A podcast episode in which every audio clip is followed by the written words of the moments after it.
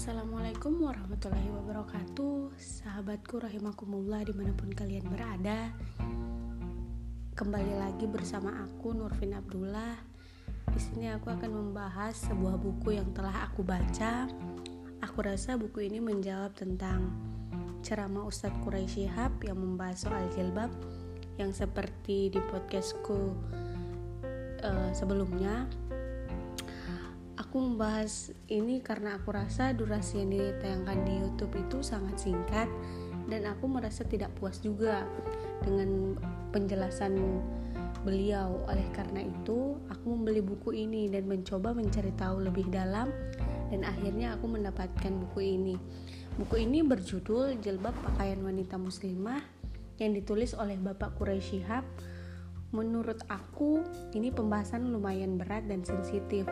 Buku ini membahas tentang pandangan ulama dan cendekiawan yang menyangkut busana muslimah, dengan kata lain, aurat wanita dan batas-batasnya yang boleh ditampakkan dari badannya kepada selain mahramnya. Dan di dalam buku ini, beliau membentangkan aneka pendapat baik dari pandangan-pandangan ulama terdahulu terkesan ketat maupun cendekiawan kontemporer yang terkesan longgar dengan menyertakan dalil argumentasi dan dalih dari masing-masing pendapat dan beberapa bab yang dibahas dalam buku ini.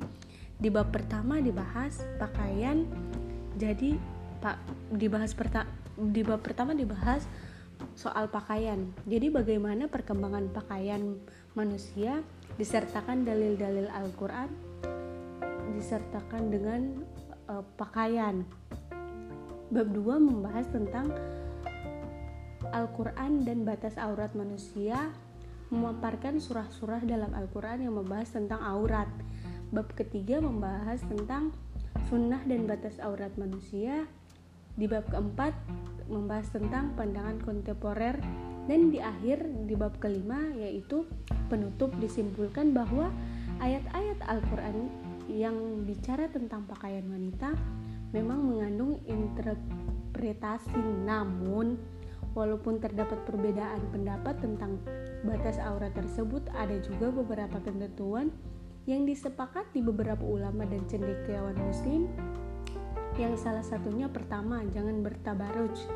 Kedua jangan mengundang perhatian pria. Terus jangan memakai pakaian transparan memperlihatkan kulit sehingga memperlihatkan lekuk tubuh. Terus yang ke apa ke lima jangan berpakaian menyerupai pakaian laki-laki. Jadi intinya dari buku ini tuh e, membahas bahwa perempuan dan laki-laki itu wajib untuk menutup aurat aurat hanya saja terdapat beberapa pendapat dalam menafsirkan dalil-dalil tentang batasan aurat wanita. Sangat sangat menarik ya walaupun di satu sisi aku merasa puas karena mendapatkan pemahaman baru. Di sisi lain uh, aku agak merasa sedikit gimana ya? Uh, karena selama ini doktrin yang kita terima itu sesuai dengan pemahaman mayoritas bahwa jilbab itu hukumnya wajib dan sebenarnya buku ini penulis sendiri tidak mengatakan jilbab itu tidak wajib. Justru beliau menuliskan bahwa pendapat ulama yang mengatakan seluruh tubuh adalah aurat kecuali tangan dan wajah adalah pendapat yang paling kuat dan perbedaan pendapat dan perbedaan interpretasi dalam buku ini.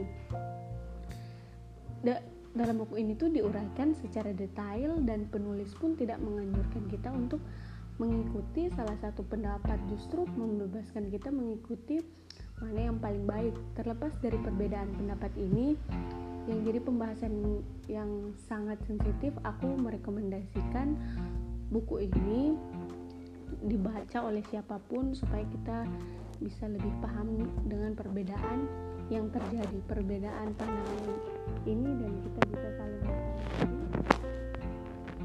Mungkin